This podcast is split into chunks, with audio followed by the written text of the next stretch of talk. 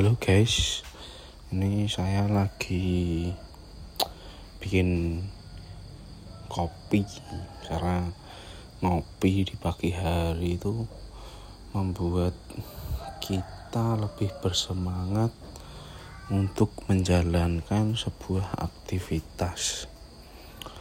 Sebelum melakukan aktivitas, lebih baiknya kalian sarapan dulu terus jangan lupa ngopi karena kopi membuat kita semangat dan bisa membuat kita tidak stres untuk menjalankan sebuah aktivitas yang sedang ingin kita jalani guys.